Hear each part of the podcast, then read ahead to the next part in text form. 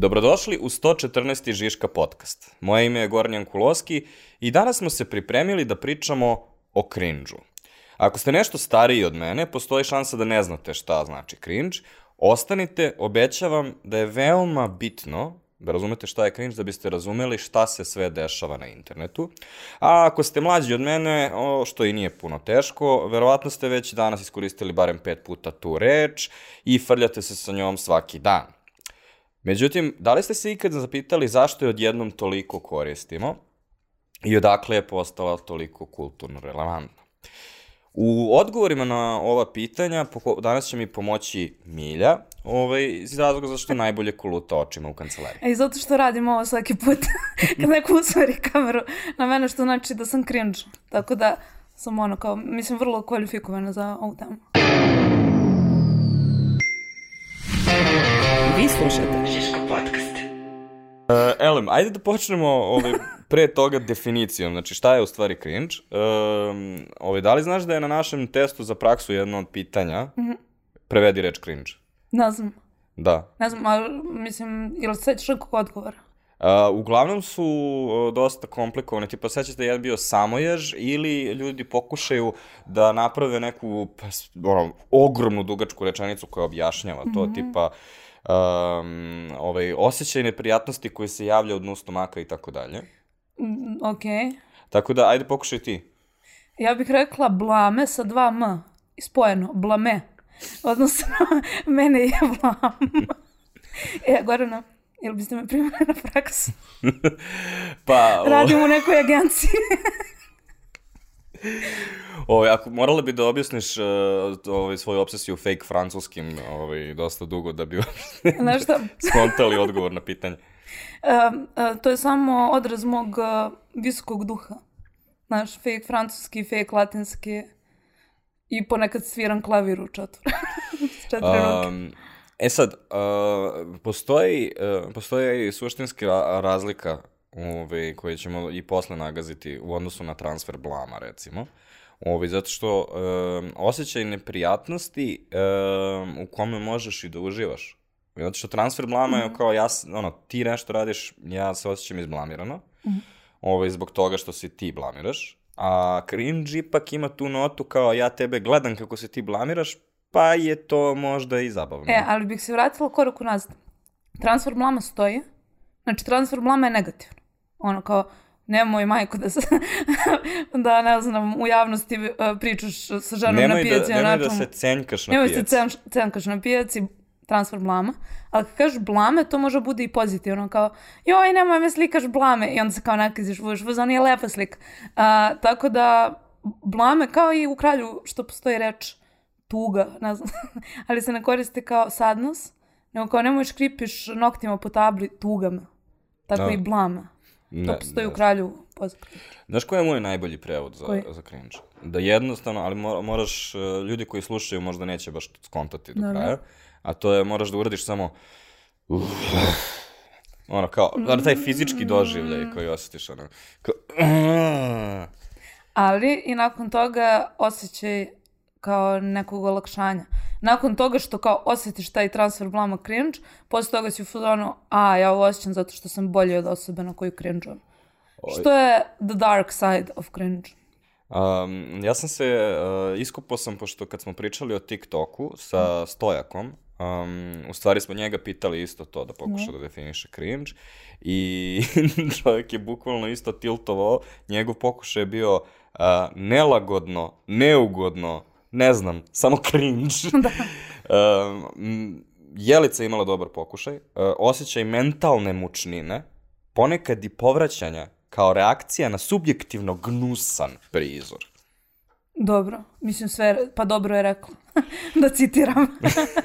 ne, mislim da se samo zasipa, ono, zaspala, ono, za, zasipala rečima dok smo bili u fazonu, ok, I guess she knows what she's talking about. Mm.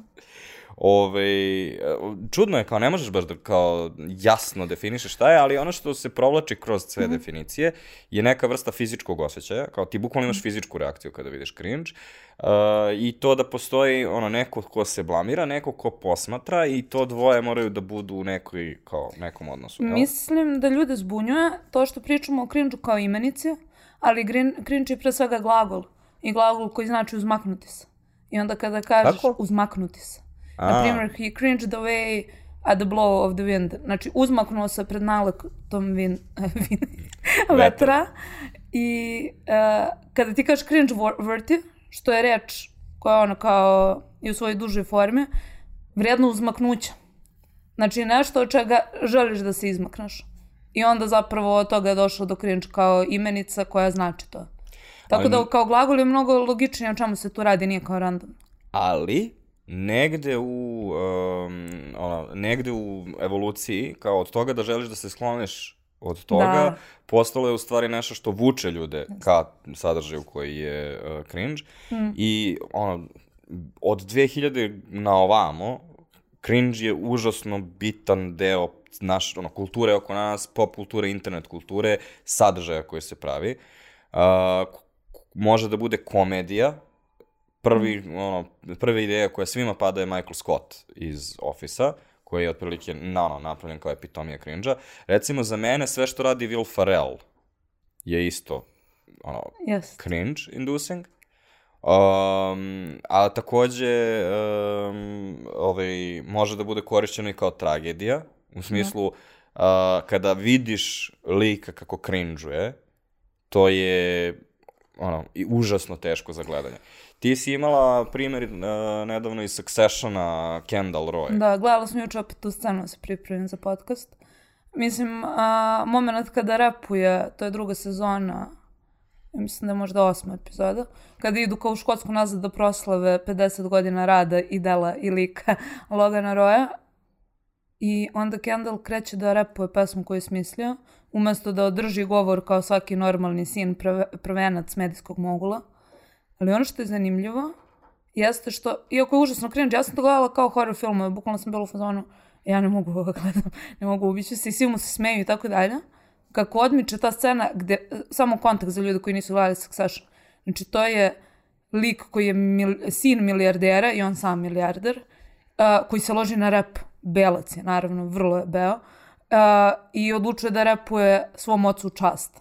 Znači, kada, čak i kada izgovorim to, bukvalno sam u fazonu kao, da, ovo je pitom cringe Međutim, ono što je zanimljivo sa tom scenom, jeste što ona kreće kao užasan cringe. Znači, Kendall je ono kao emituje cringe. Međutim, a, istovremeno je nekako i rebelous, u smislu buntovničke.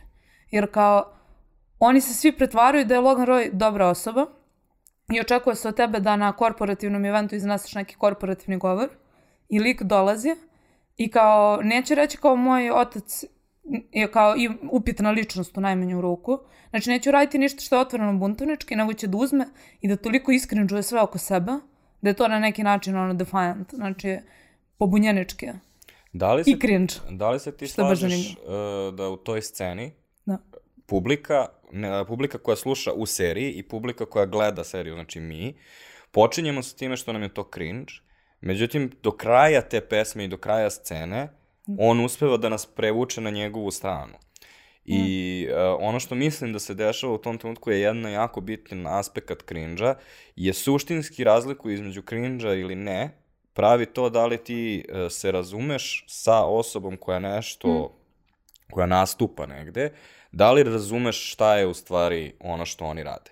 Jer da je Logan, da je uh, Kendall u tom trenutku zaista bio taj manijakalni lik koji je zbog toga što je milijarder i voli rap je hteo zaista da otpeva cool pesmu. Međutim, u nekom trenutku kad krene refren L to the OG, on negde u tom trenutku napravi neke face i na neki način me ubedi da i on svata šta radi i da on u stvari govori nama znate, mogao sam ja da održim taj glupi korporativni govor, ali to bi zaista bilo dosadno. I onda zbog toga što ta, uh, taj refren ima tu neku ono malo sarkastičan prizvuk, nekako uspe da nas privuče. Daću ti drugi primer koji ovo isto odlično ovaj, otpisuje, a to je kada predržiš cringe na Google-u.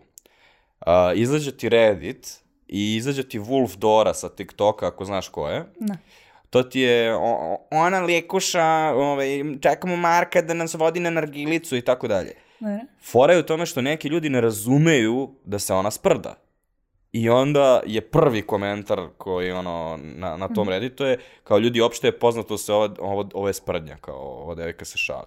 Sad, u zavisnosti od toga, ako ti ne razumeš da se, da se ona šali, tebi je to cringe, instant, jer ona je u stvari cringe inducing.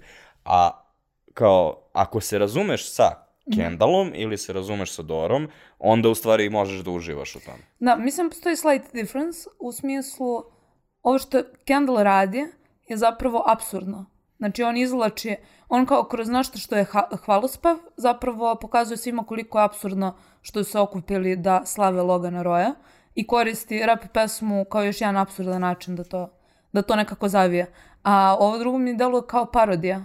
Je li to parodija na ljude koji Mislim da- zaista čekaju nekog da ih odvede na e, Nagelu? razlika između cringe i parodije je veoma tanka, jer to ti je problem, ono, Vila Mhm. Farela, jel? Ja, mislim da moramo napravimo sledeću razliku. Znači, postoje stvari koje su cringe, kao one su cringe, i postoje ljudi koji koriste cringe kako bi preneli neku poruku. I kada koristiš cringe kako bi preneo poruku, onda mi deluje kao da praviš parodiju.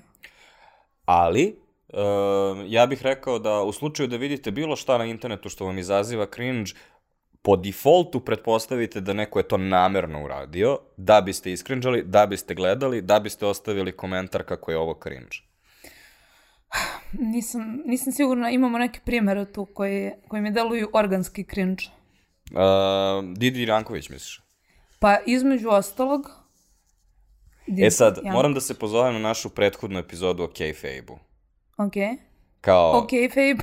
Uh, ke... znači, da li je Didi Janković apsolutno svesna i namerno to radi, jer kao njena kao popularnost nije zbog toga što je ona zaista kao ono, super zvezda, niti iko zna jednu pesmu Didi Janković. Ali ona je dalje popularna. Kao ona je uspela u tome time što je ono, ostala pri svom pristupu zbog koga je svi šerujemo kao mi. Mislim da je teško pričati o tome, a da mi sami ne postanemo cringe. Jer kao, ono kao, mm, nismo sigurni šta je interna motivacija nje kao osoba. Mhm. I kao, ok, da svi imamo ono kao self-expression koji se ne sviđa svima. To je u redu. Ono što mi možda ne prepoznajemo, to je što javnost možda prepoznaje u, u njenim pesmama, jeste preveliki nivo investicije. Znači ti dovedeš i Gezeliju i Snoop Doga, što vjerojatno košta, a onda to ne ispratiš uh, produkcijom pesme ili vokalnim talentima i tako dalje. I onda je to ta disonanca koja je nama kao, a ovo je cringe, kao imaš, Snoop, imaš pare za Snoop Doga što nisi ono kao napravio bolju matricu ili bolji tekst ili nešto. Ali to je sada subjektivni sudovi kao šta je za tebe dobra pesma. Što je, je verovatno ono, Ok, imam bolji primjer onda. Uh, isto iz muzike. Uh, Da. Juice, uh, Abara, te znaš tu pesmu? e, ne mogu se. Znači, između ostalog pogledaj spot. Uh, spot je samo serija cringe stvari i između ostalog postoji uh, ovaj muškarac u fazon ono, nekim random boksericama koji tvrkuje. Uh, nije, znači, nije Little Nas, kao, Little Nas pokušava kao, ono, ok, kao, gay is beautiful, to je, ovo nije to, ovo je kao just cringe inducing, i kao kad uzmeš i pogledaš sve to, ti shvataš da je kao cijela ta pesma napravljena kao neka vrsta cringe komentara. Namerno. Jer kao, Juice, to, Juice se to ne dešava slučajno, pogledaj ceo njegov dalje. Da, naravno. Mislim, respekt za Juice. Ali, a, šta, kako onda tumačimo možda najbolju kompilaciju, najbolju kompilaciju, koja se pojavila na YouTube-u, a to je XU Rock protiv korone, prva doza. To je zapravo mix pesama, audio mix pesama, gde imaš uh, XU Rock balade mahom, koje se bore protiv korone. To je za mene definicija cringe. Jer tu ne postoji, znači, ne možeš to da protumačiš kao komentar na bilo šta, samo je samo po sebi cringe. Taj, ta Ne, kompilacija mislim da cringe. e, kao problem je u Zašto? XU roku, ovaj, koji je... Um, pričat ćemo o evolu, evoluciji. Znači, svaki naš podcast, u stvari svaki kulturni fenomen o kome mi diskutujemo, nek evoluira tokom vremena. E sad, mi smo trenutno je 2022. godina. Uh, većina XU roka je iz 80-ih i 90-ih prethodnih, prethodnog veka. Svašta se promenilo za tih, znači, 30 godina o kojima mi pričamo. Znači, ono, prođeš, svaki pokret prođe razne faze. Znači, prvo je, kada se to dešavalo, bilo je inovativno, cool, ljudi su se ložili na to. Onda su ljudi to služili kao nostalgiju. Onda smo mi, klinci koji smo kao rođeni 80-ih, bili u fazonu, aha, to je ona muzika koju svi poznaju i to je kada, ono, između generacija kao postoji, ne, sad, ono, realno kao zoomeri koji su došli, koji su rođeni, ono, kasnih 90-ih pa nadalje, su u fazonu kao what's this, kao, znaš, da ono, s ovim? da, bukvalno, ono, nemam nikakav kao kulturni referenc. Tako da postoji taj trenutak kada, ono, bilo koji kulturni pokret, bilo da je moda, bilo da je muzika, kao, ono, počne od toga što je kao, ozbiljno ga ljudi slušaju, ironično ga ljudi slušaju, nostalgično ga ljudi slušaju, zamori se, onda nam više kao dosadi i sada ako još jednom čujem ovaj, ono, sve još miriše na nju, kao bilo mi je ono slatko prvih 257 puta. Hoćeš da kažeš da ti se nije svidelo kada je Radule na Božićinoj proslavi pevao sve još miriše na nju? Pošto sam videla si pevao sa njima. Ove, to je već kao kontekst novogodišnje proslave i tome recimo i dalje mogu da služe Da. ovaj XU Rock. Kao recimo, takođe u debati, uh, pošto smo imali društvo koje se okupljalo, koje je bilo sa Balkana, kao XU Rock je ono što je praktično ujedinilo slovenačke timove, hrvatske timove, srpske timove, bosanske timove i makedonce kao koji su se zajedno družili tamo i kao šta se dešava, šta pevaju recimo Britanci, oni pevaju Bohemian Rhapsody do... ono, Da, A šta smo mi pevali kao Bijelo dugme i parni valjak. Bolje ne kažem šta je pevala moja generacija u debati. Uh, sve u samo. Uh, ali mislim da jako si dobro objasnio ceo taj ciklus, znači kako nešto što je cool postaje cringe. Međutim, postoji i drugi smer, kako nešto što je cringe postaje opet cool. Mhm. I to je reinterpretacija u principu trenda. U, kako sam zabavila. Reinterpretacija trenda. Blub. Blu. Svi će, svi će skontati.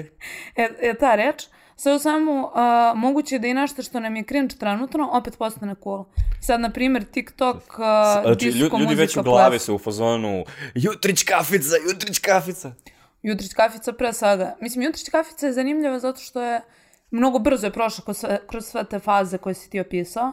Kada kažem disco muzika, razmišljam ono kao 70. i onda je kao bilo jako dugo cringe da igraš ono kao disco i da imaš pokušaj afro frizure iako si belac. Ali sad sa recimo TikTokom imaš ljude koji kao prave cool plesove na disco muziku. Jutrić kafica, mnogo bitni i relevantni primjer za sve nas. Uh, šta se tu desilo? Dakle, imao si ono kao influk, veliki broj ljudi koji dolaze na Facebook i uh, ti ljudi, nećemo reći boomeri, ali verovatno su ljudi koji su ono 45 plus, na primjer, uh, koriste na drugi način tu mrežu. Zašto koriste na drugi način? Zato što nisu bili, ja, lako je reći kao, a, boomeru ti koristiš ono kao face drugačije, međutim, razmišljala sam zašto je tako. Uh, mi smo bili na Face od početka, znači 2008-2009. mi instaliramo Face i onda smo ga koristili vrlo cringe. Ja sam ostavljala status u srednjoj školi koji su ono citati Oskara Wilda. Ti- Ako to nije cringe, Čekaj, jesi ti deo naše grupe na Slacku Quote of the Day? Nisam. Znači, mi imamo grupu na Slacku, nas 10, gde uh, svaki dan moraš da odeš na svoj Facebook i da klikneš na onaj memory. I Ja onda svi ostavljaju, uh, wow, A. svi ostavljaju šta su uh, ono, pre 12 godina postovali. Znači, tolike količine cringe u toj Da. grupi koje mi imamo su neverovatne. Znači, ali svako ima, znači, ono, samo idite na Facebook i kliknite ono dugme memories i kao tekstualni statusi pre svega. Da. Znači, koliko smo se svi ložili da smo prepametni, presardonični, sarkastični i samo je svet čekao nas da kao kažemo sud o nekom kulturnom fenomenu. Samo da se razumemo, znači u tom trenutku na Facebook si imao statuse, slike nisu bile popularne. Moram se vratiti nazad. Šalim se. Ali uh, hoću da kažem da um, znači to što mi sad tumačimo kao boomersko ponašanje je zapravo samo nenaviknutost na mrežu. Zato što su naše majke i tetke i očevi i stričevi došli na Facebook 7 godina posle nas. I za njih je mreža bila nova. I onda kad su oni krenuli da kače dobro jutro kafica mimove, to je zapravo isto što bismo mi radili da smo imali priliku da kačemo na Facebook 2008-2009. Svi ti statusi su dokaz toga. A, e, ja vidiš, mislim... A ne ovaj, kao neke generacijske, kao Ja imam drugo tumačenje, a to je da, ovaj, pošto kad god se dešavaju ti intergeneracijski konflikti nekog vr neke vrste, um, kao što kada se pojavio TikTok, ljudi su odmah ono, krenuli da urlaju kako je sve cringe ovaj, i kako de ide današnja mladež i slično. Kada god se pojavi taj neki, to neko intergeneracijsko razumevanje, ja pokušam da shvatim šta je dobro u tome što svi ljudi ne razumeju. I kao možda smo mi u stvari problem. Možda je Dobrojutrić kafica i te sve fotoš, užasno photoshopirani elementi su uh, način da, da ti neko kaže, ali kao a, ži, život je tako jednostavan. Sve što ti je potrebno u životu je loše photoshopirani način da ti neko kaže ono, prinem za tebe, cool je. Kao, ono, znaš, kao ima neku, neku baš jednostavnost. Recimo, ovaj, e, mi se e, sa, ono, mi imamo grupu isto sa nekim kao našim prijateljem preko koga smo otkrili Dobro jutrić kaficu. Ja nisam znao da je to mim, nego je to do mene došlo kao interna fora. I onda sam tek posle otkrio da je ono mim. Kako se zove stranica koja je to sad najveća? Okreni na smijeh na Instagram. Okreni na smijeh na Ali Instagramu. to je već sada, znači, to je drugi talas tog Da. mima. Prvo je postojao kao stvar koja se koristi neironično, na koju je omladina cringeovala, a onda, je, onda su mlađe generacije preuzele Jutrić kafica i sada se koristi na neki način ironično, ne radi što je iskreno, ali imamo pozitivan sentiment povodom Tako je. toga. Kao dopada ti se, lepo ti je kad vidiš Jutrić kaficu. I mislim da je tu zapravo jako bitna poenta u vezi sa cringe-om, a to je da jedina stvar koja je ono veća od cringe-a, to je gora od cringe-a, jeste da budeš osoba koja cringe-uje. I da to i da imaš osjećaj da te to čini boljom osobom, zato što si ti iznad situacije. Znači to je jedini veći cringe od originalnog cringe-a. Za mene je to možda i najveći zaključak celog, cele evolucije cringe odnosno zašto je cringe bolji od transfera blama. I donekle, e, ono, voleo bih da mislim da je na nekom kulturalnom nivou to jedno, jedno veliko postignuće generacije Z, koja, ono, redefiniše, uh, redefiniše kao odnos prema mnogim uh, stvarima, ali između ostalog prema toj vrsti osude. Zbog toga što je alternativa, kao i toga da ti budeš uh, neko ko je u fazonu nemoj da se blamiraš, i onaj klasičan konzervativizam koji je nezdrav, jer nikad ne možeš zaista da ga, da ga ono, realizuješ, zbog toga što ako živiš tako da ono, postoje i neki kao konzerva u koju ti treba da se uklopiš, uvek ćeš negde ispasti. Ispašćeš u onom trenutku kada želiš da se razvijaš, kada želiš da napraviš nešto novo. A, I onda je užasno problematično da kada, ono, uvek će ti se desiti taj trenutak kada ti neko kaže nemoj to da radiš jer se blamiraš. I kao nekako je negativno. A cringe i, i zbog toga što ima taj, ono, tu vrstu kao pozitivnog outleta i u stvari da kaže aha, ja reagujem malo negativno na to što ti radiš, ali u stvari razumem. I kao, ono, mislim da postoji pozitivan outlet i svega toga. Mm, definitivno. Ali mislim da je cringe i dokaz moralnog relativizma. Mm. U smislu, znači, 19. vek, ono kao društvo je na neki način uh, homogenije po pitanju toga šta je javni moral, u smislu šta može da radiš, šta ne može da radiš. Loš vek da budeš živ, u principu. Nisi mogao da nosiš džapove ako si žena. I još drugi gore stvari. Ali uh, pojenta je da sada, ono, kao toliko se svi gađamo cringe-om sa različitih strana. Cringe je, ne znam, znači ti kažeš šta je za tebe cringe, ja kažem šta je za mene cringe i to se na neki način neutrališa. Tako da dolazimo do toga da je ono kao sve okej i sve što je okej nekome neće biti okej. I to je u redu. Znači u redu je da nemaš apsolutni konsenzus povodom toga šta je, uh, šta je ono kao cool, cool? Ne, cool i cringe, cool je postao cringe. Da. Kao, wow, ja sam cool. Znaš što je odličan primjer za to? Mislim, ja jesam. Reality emisije. Uh, to, ono, da To li je si... tamna strana cringe. Uh, da, ali da li si ti ikada pričala sa nekim ko je uh, ozbiljno prati reality emisije? I kao svi ljudi koji kao znaju, recimo, ono, kad, im ka, kad se pojavi neko, recimo kad se pojavila Kija Kockar, ja sam bio u fazonu, vidio sam, vidio sam njenu knjigu na popustu u Vulkanu i kao sam bio pozoru, ko je ova osoba? I onda su mi objasnili. Ove, ali kao ljudi koji, zna, ono, koji znaju se u fazonu, naravno da sam gledao zbog toga što je cringe i tako, e, kao, niko nije u fazonu, gledao sam, baš se brinem za nju, znaš, kao, niko ne gleda to na način na koji gleda Mo, na primer, Succession. Kao, razumeš, ono, ne investiraš se zaista u te likove, nego si u fazonu gledaš to kao neku ono, vrstu kao sveopšte ono, parodije. Da, ali... Parodije samog sebe i tebe dok gledaš to. Ne, ja imam problem sa realitima, ali ne kao zato što je cringe ili zato što kao što god ne treba to gledamo, nego zato što postoji jasna eksploatacija učesnika. To je meni zapravo, tu mi je problem. Zato što režija, scenaristi, ljudi koji zarađuju na gledanosti realitija, eksploatišu cringe momenta, ali po cenu bukvalno mentalnog zdravlja ljudi koji su učesnici realitija koji moraju da provedu neko vreme tamo. I onda kada gledamo scene Miljane Kulić koje postaju mimovi za koje su ljudi u fazonu a ovo je cringe ili ovo je smešno, ono kao čemu se smejamo na nivou um, ok, ako gledaš Michael Scotta u ofisu, znači mi znamo da niko nije bio povređen u procesu pravljanja te serije i uh, glumac je bio ono kao plaćan dovoljno da bi ono kao preuzeo taj lik i da bismo mi cringeovali bezbedno.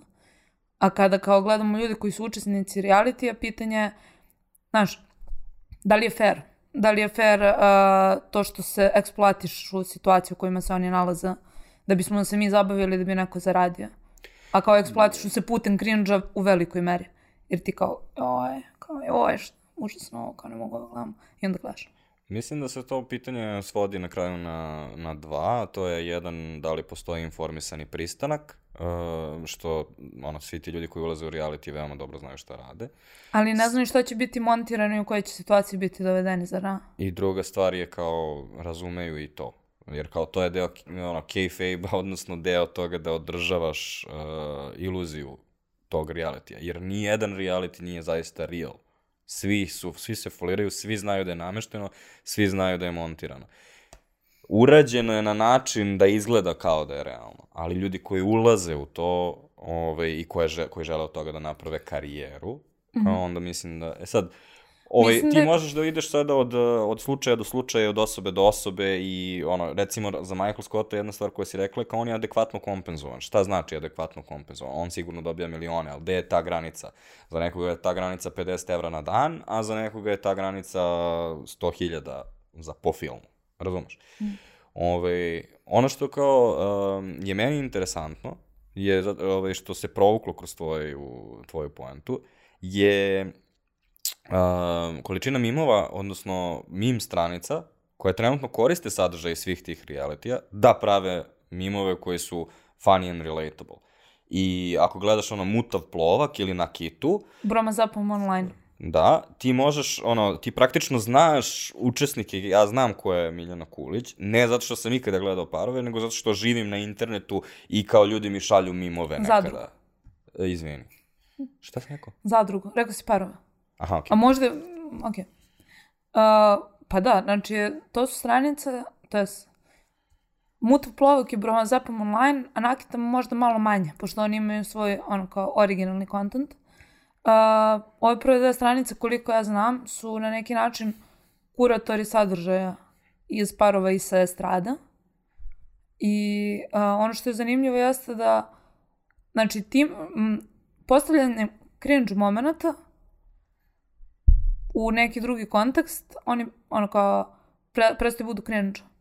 Odnosno ne daješ neki kontekst koji... Ne, za mene je to cringe. Zato što, zato što ljudi pretpostavljaju da je transfer blama, a u stvari je cringe. Jer kao mi gledamo te ljude koji su cringe ali od toga postaje zabava. Mm. Razumeš, to je pitanje da li, e, da li ono, ljudi koji gledaju Jovanu Jeremić, Dobre. koja gleda u kameru i ono, priča kako je ono, svi zlobnici da je pljunu pod prozor i ona, ona ima najgledaniji TV mm. program. Kao, pogledaj njen osmeh. Kao, ona je veoma svesna da ona nam, nas nervira i da ćemo mi zbog toga da šerujemo njen mim. Kao, okay. to je cringe. Šta je cringe? Ona koristi cringe. Da, da, Ona okay. stvara cringe da bismo nju gledali, namerno. Da, meni je to legitimna strategija popularnosti. Mhm. U smislu, ako ti nije važno koju vrstu popularnosti imaš, ok da budeš cringe da bi je postigao. A, znaš ko je to doktorirao? Ko? TikTokeri. Da. Ovaj, ti, ti, kad je TikTok krenuo, glavna stvar koju recimo youtuberi koji su došli na TikTok nisu mogli nikako da razumeju, a to je zato što moraš da se izblamiraš. Kao moraš da budeš cringy. Jer kao svi youtuberi, ono, Čoda, Baka, svi koji su tada bili ono top, kad je kretao, ovaj, top na YouTubeu kad je kretao TikTok, su došli i pokušali su da urade istu stvar. Ili da, ono, naprave svoj Instagram story kao, evo ga moj dan, ili da kao ispadnu cool, kao što oni svojim mm. gledalcima ispadaju cool na svojim kanalima. Međutim, dokle god se ono ne dešava nešto što je cringe, ljudi su bili pozvano, ne. I kao dvo, dvoje, dve osobe koje su to, to jest dva kreatora koji mislim da su to doktorirali, jedan je Marko Filipović, ne znam da li znaš. O, ja sam onaj o- malo onaj ne gleda E, on je isto jedan, ovaj, izgleda ovaj, kao, mislim da, da se zove Marko Filipović 87, tako da je verovatno 87. godište, ali izgleda kao da je dosta stariji. I um, ovo, čovjek, ono, da konstantno ostavlja kao veoma cringy stvari, a međutim zbog toga kao ima kao i, i gledanost. E sad, on je baš uh, igra na samoj granici u smislu gde je, ono, ne možeš da osjetiš tačno da li je parodija ili ne, i zbog toga je interesantan, a druga dva su ti Vaj Vaj i Branko, mm. koji su bukvalno a, ono, adrenalinski šok, kao cringe parodija, cringe parodija, cringe parodija, cringe parodija, kraj klipa. Da. I kao, And it works every single time. pa da, ali sad, zato što je ono, to, ono, toliko su kao nabili tih promena u svakom klipu, da je jednostavno, ono, fenom, bukvalno se osjećam kako, ono, imam taj osjećaj koji ide iz stomaka u, u grudi i onda se kao vraća kao cringe parodija, cringe i kao, ovaj, uh, I ono, kod njih je, ono, cringe parodija apsurd, u stvari bi isto trebalo da bude, Apsurdno. u smislu, um, ono, počinje sa cringe-om, onda ga, ovaj, bace u uh, totalni apsurd, u smislu kao, ovaj, ono, nešto što apsolutno ne očekuješ, tipa sad mi pada na pamet, um, ovaj, juče su se grudvali uh, njih dvojica i kao završava se ovaj, tako što kao Branko nešto pada sa strane. Ovaj, ili kad je završio u kontejneru nešto, ono kao, po, na kraju svog klipa su ga kao bacili tamo. Ovaj, poenta je kao, uh, možeš kao veoma dobro da uh, manipulišeš time i kao tiktokeri su kao praktično iskoristili to kao je, ono, jednu od osnovnih stvari. Pa da, a, ali ono, š- mislim, šta, šta se pro, provlačilo kroz tvoju poentu, a to je da kreator može da koristi blam kako bi dobio željenu reakciju, kako bi napravio kvalitetan sadržaj u krajnjem slučaju, a da pritom zaista se ne izloži blamu. Jer u trenutku kada se ti namerno blamiraš, to više nije blam. Mislim, a, kako bismo definisali uopšte blam, pošto mislim da ima veze sa cringe-om. Um, Znači, mi osjećamo blam kada uradimo nešto što nije u skladu sa društvenim normama. I ako bismo išli sada evolutivno unazad, a, rizik blama jeste da te ono kao grupa na neki način izopšte. Ako te grupa izopšte, ti ne možeš da preživiš bukvalno u grupi, ima da krepaš. Mislim, to je vrlo, vrlo simplifikovano, ali ono kao razmišljam 15.000 godina unazad. Zato što mi uvijek ponudimo širu sliku. Ovo je sad bilo cringe. Sve samo. Treba da imamo neki ono cringe alert za podcast ovako da ga udiramo. Um, Ne, prihvatamo sve različite ljude. da, samo da ho hoću se vratim nazad. Znači, tim blam je imao vrlo bitnu društvenu funkciju, da ja kao znam šta je blam, šta ne treba radim da bih mogla budem deo grupe. Međutim, odjednom blam, znači ono, kao postaje oružje za zbližavanje grupe. Jer kao ja se blamiram, znam da se blamiram, ljudi uživaju u mom blamu i mi po prvi put u istoriji imamo zapravo ono kao koheziju grupe usred osjećaja cringe ili blama. I ako to nije prelepa stvar, ja ne znam šta je. A znaš šta se promenilo u stvari? Šta? Postali smo društvo kreatora.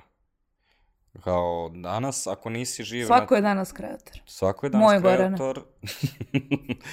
ovaj, svako je danas kreator ili na TikToku ili na svom Instagramu ili kao svi smo aktivni na nekim društvenim mrežama. Problem uh, je što je bilo kakva vrsta javnog nastupa ili kreativnog rada je neminovno vezana za cringe. Znači, ono, postoje mnogi načini da uh, postane nešto cringe, ali jedna od osnovnih jeste da izađeš na javni nastup. Javni nastup je cringe Da. sam po sebi. Ako želiš da napraviš nešto kreativno, ili rec, recimo um, uzmi gledaj svoju prvo gostovanje u podcastu našem. Ili pogledaj naše prve podcaste. Mm.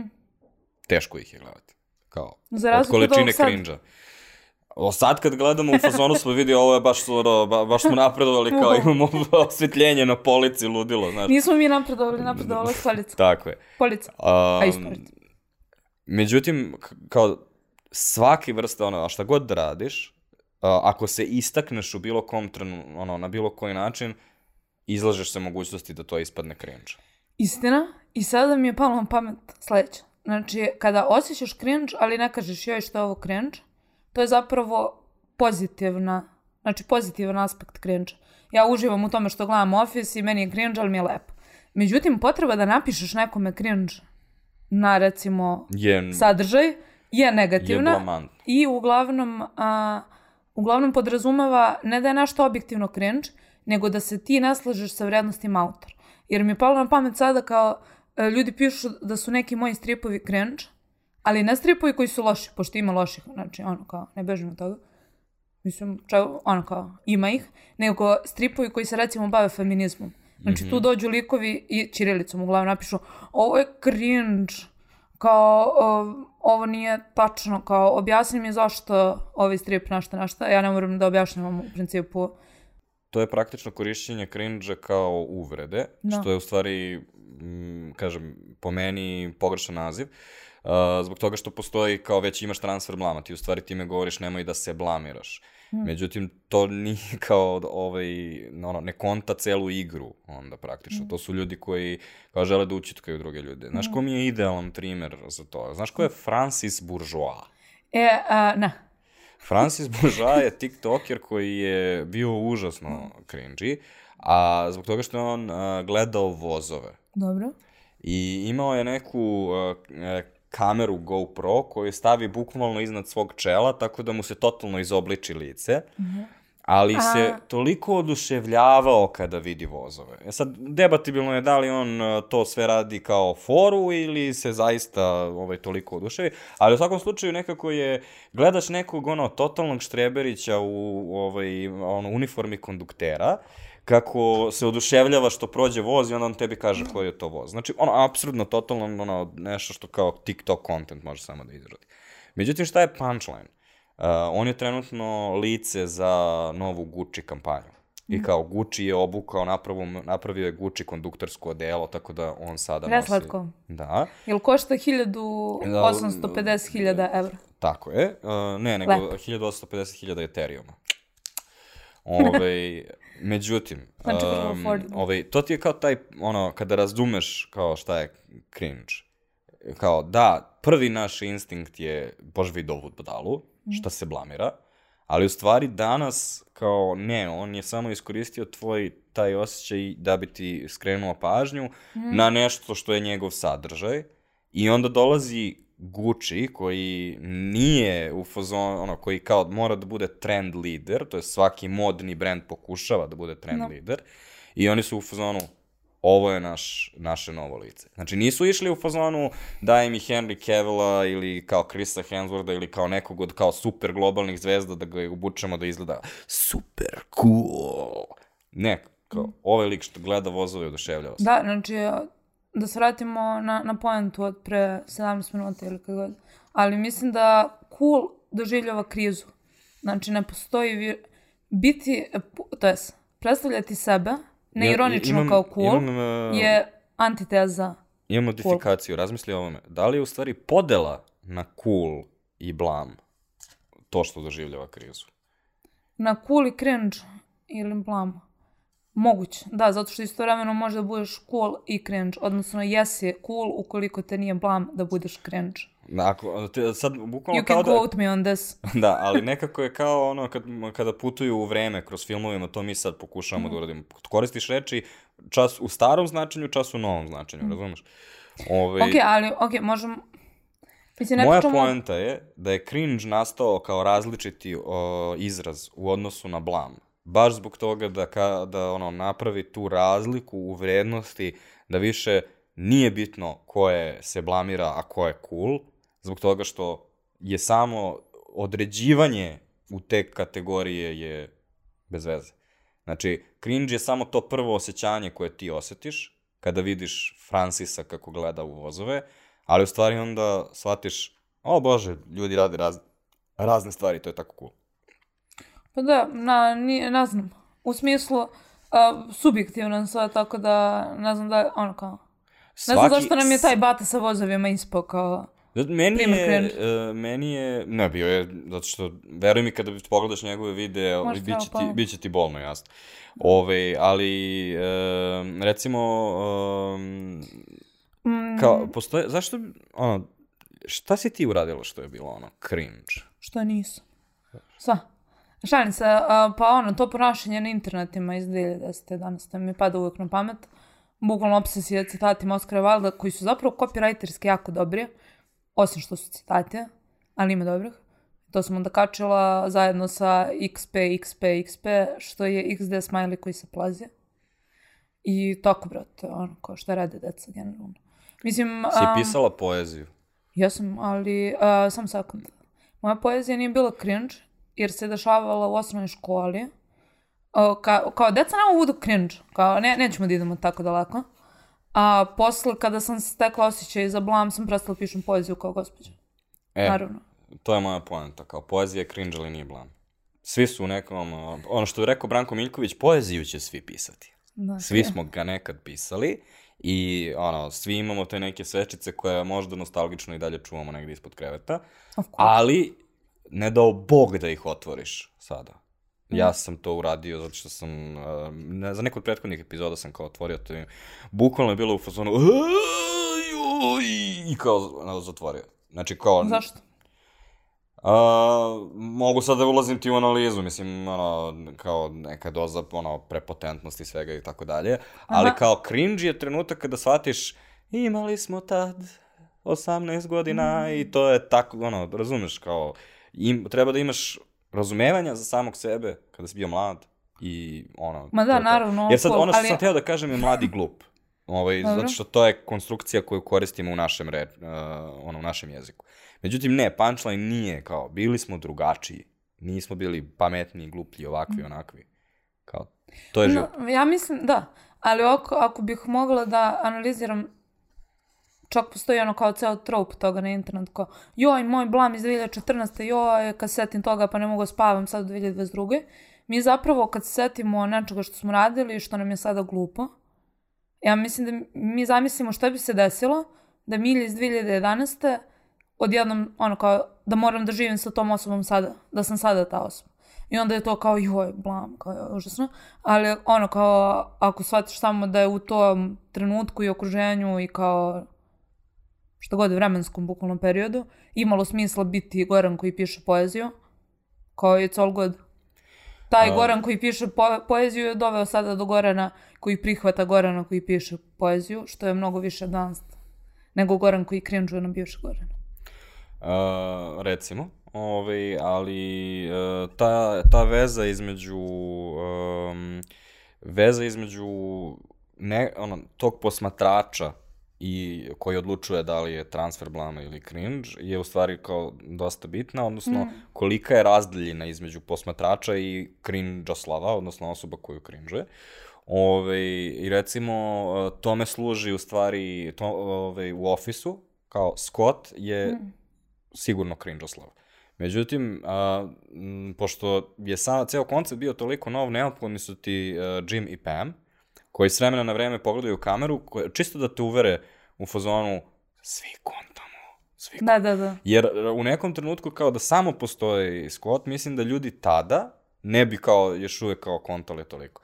I recimo, me, to je moj problem sa Willom Ferrellom i kao na stvarima koje on a, radi. Recimo, ne znam da si videla, radio je Eurosong Da. sada. E, ovaj, Nema kao- posmatrača.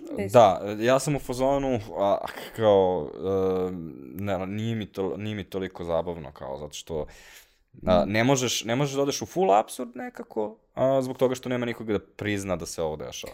Pa da, ti si posmatrač, ali meni je zanimljivo, vjerojatno, si, mo- jesi gledao epizodu Rick and Morty o kojoj smo pričali za ručak? Jes.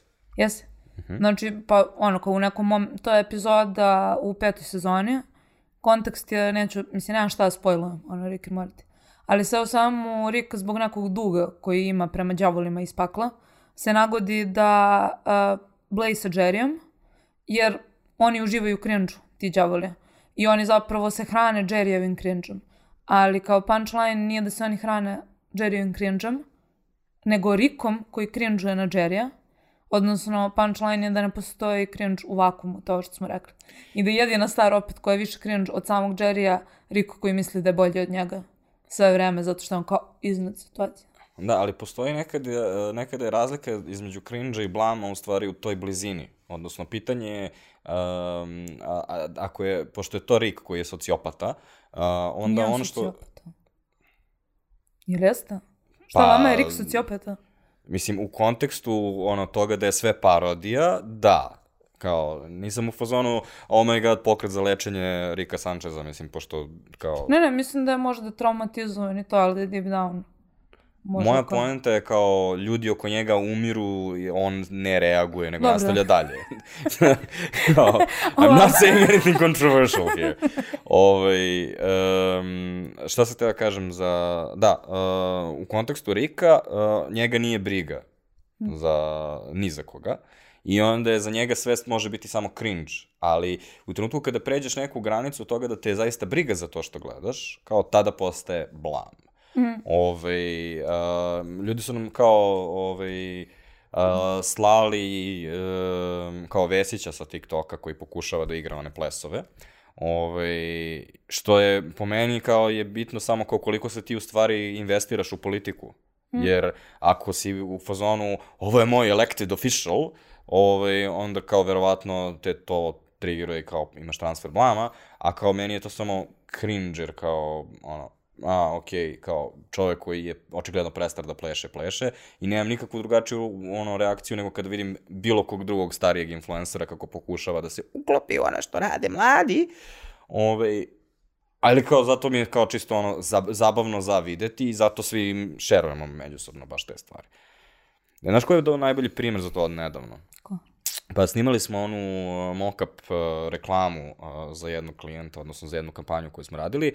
I onda, pošto nam je trebao neko ko će da džuska u toj reklami, uh, ja se ponudio da džuskam u mock-up videu. Uh, što ste svi ovdje kao koji ste radili u timu ste bili um, ono u fazonu da da super ono kao baš je smešno. Ove, a moja žena je bila u fazonu bože dragi za koga sam se ja udala zato što kao sa jedne strane ona je jeli kao daleko bliža meni a sa druge strane ona ne radi ovde i ona nema, ne razume kao da li je to zaista bilo neophodno ili sam se ja sad iscimao i tamo vas sve naterao da svi, ja, znaš kao, nije prisustvovala tom trenutku kada smo mi rekli ovo, ovaj koncept neće raditi ako ga ne prikažemo na zaista kao video. Nego je u fazonu, evo, ovaj se krevelji, zato što se uvek krevelji i ne, ono, ne skida se sa podcasta i kao dosta mi ga više ovde, razumeš? Pa da, mislim, s jedne strane razumem ti, ono.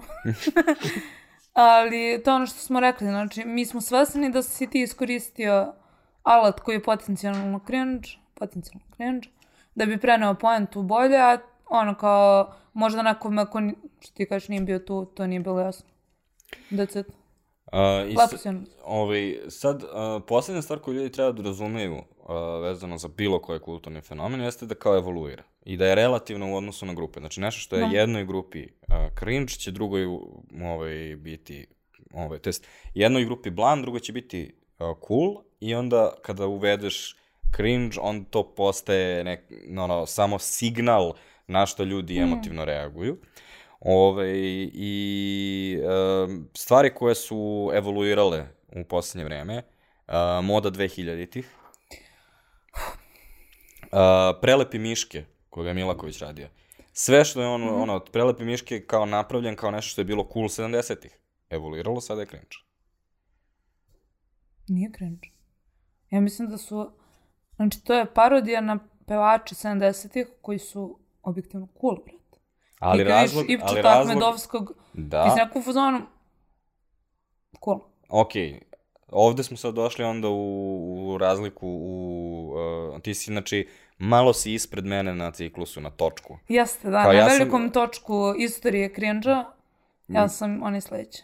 Kada vidiš, uh, kada vidiš gde smo trenutno, ovaj, kao, gde sam ja, je kao, ja i dalje sam na onim mimovima kao, s, uh, ne znam da li si videla onaj mim, uh, kao hipsteri sa bradom i man banom, kao ovo će za 20 godina da bude pamćeno kao ovo i onda oni likovi koji su imali tarzanke, one mm. sa dugom kosom. I e, ja sam negde tu sa pevačima iz 70-ih, u smislu kao o 10 najgorih ono, albuma iz 70-ih, što je ono bukvalno kao kako izgleda Miški. Ove, um, ali znaš ko, je, ko mi je šampion te evolucije? Knez. E, e, ja ću napustiti emisiju. Šalim se. Uh, knez je meni suprotno od cringe. Pa, ali seti se kako je išlo. Nikad nije bio cringe. Kad je Knez bio cringe? Knez je Imao je počeo- albume 90-ih. Liter To, to, ti, Mija, to Bela ti možeš da misliš. Zamisli da si živelo u, u 90-ima. Ja, sam- kao prvo, ja sam živjela u 90-ima. Bila sam dete koje mnogo voli Kneza Da, zamisli da si bila odrasla osoba. A šta tebi kao funky spoj uh, crnogorskog i jako dobre matrice i cool plesnih pokreta je bilo cringe? Ok, ajde da, okej, kažemo, da, ajde kažemo da je, da je, da je bio baš cool kada se Da. pojavio, je li tako? E, Postojao je trenutak kada se izanđao. Postojao je trenutak kada je kao knezova karijera kao bila to su to found. 2000 Tako je. Onda je uh, imao balade. Onda je imao povratak, je li tako? Trenutak kada su krenule bebe 90-ih, uh, ono, i kao... Jeste da se sećaju. Tako je, onda je on postao praktično, ono, nostalgično cool. Jeste, ali on imao i odlazak na Euroviziju i imao je svoje Lucky Shoes momenta, E. gde su si setili koliko je Knez najbolja stvar na Balkanu. Ako dobro. Dakle, Lucky Shoes je bio cringe moment, možemo se složiti barem oko toga. Jeste, ali istovremeno ja nisam ostila Knez cringe zbog toga. Sam bila u fazonu, aha, Ne, on je, on je actually, ja mislim da je to opet fora, znači, da li je blam ili cringe, kao. To je bio cringe moment. Ono je trenutak kad je on demontirao da to nije blam, je trenutak kad se pojavi na Mondu i onda objašnjava onaj cirkularni mim, ovaj, Da. kako ono, da, a, šta je bilo, da li si ikada Ikad mene voljela kao tebe ja, da li si ikada mene voljela kao tebe ja, i tako u krug, kao, aha, ja razumem da se ljudi sprdaju sa mnom i da sam napisao cirkularni tekst, ali ja, ono, ja kontam to. E, u tom trenutku, kao, cringe je, ona, činjenica da smo 12 milijardi puta čuli taj cirkularni tekst, ali kao, kad ga demontiramo na taj način, kao, onda je sve neko lakše. I onda možeš da odeš u penziju kao tata jedne od hurakanki i završio si ono, Iskreno, život. ako- Ne karijeru. Da. Završio si, rešio si život. Svaka E, čast. a, mislim da ćemo vidjeti još Kneza, to jest nadam se. Um, ali Knez ima da tu progresiju Digimona. Znači, bukvalno first stage, second stage i onda kao najveći third stage. I Baga mislim da je zapravo imao sličan ciklus. A, što se tiče javnog mnjenja bar. Znači, imao je svoju fazu kada je bio ultra neironično popularan. Onda je imao neke izlete u pesme poput uh, Ala sa albumom 2000 neke. Ono kao žda je, je mitsko biće i tako dalje. Uh, I onda su se vratili, ono kao ljudi su samo vratili Bagi i opet otkrili koliko je magičan set Bagi instruktora. Moguće, da. Ovaj, um, mislim da je to dobar trenutak da završimo, jer kao ne možeš bolje od, od knezove karijere kao da završi podcast. Definitivno. Ovaj, hvala vama što ste uh, ovaj, gledali. Miljo, hvala ti što si istražila temu, ovaj, iskopala primere, učinila razgovor smislenim. Uh, ako ste došli do ovde, svidela vam se epizoda, zapratite naš YouTube kanal da ćemo barem jednom nedeljno um, objavljivati epizode i koje se bave o, ono, fenomenima iz internet kulture, iz oblasti komunikacija nekada um, i generalno tako filozofije profanog. Uh, takođe, pošto smo mi podcast, uh, prisutni smo na svim audio platformama, a audio platforme uh, nude mnoge pogodnosti kao što je staviti jednu slušalicu uvo i onda možete perete sudove ili da radite nešto drugo. Ove, tako da, um, ove, druga stvar koju možete da uradite jeste da zaređate stare epizode. Ovaj, pošto stvari o kojima mi drvimo ovde evoluiraju, ali ne zastarevaju, tako da a, možete da um, ovaj, iskopate recimo epizodu 90 gde se na sličan način bavimo uh, primjerom influencera, a možete da vratite se i dve epizode unazad i uh, poslušate epizodu o kayfabe-u ili epizodu o kempu, što su sve um, neki koncepti koje smo dotakli danas, odnosno koji se u suštini uh, bave dosta sličnim stvarima kao i ovde.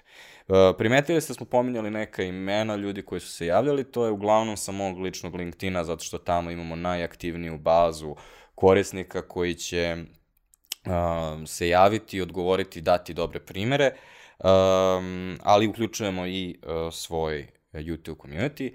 Hvala vam što ste gledali i ja dok da nađem novu žrtvu za neku novu temu. Vi slušate Žiško podcast.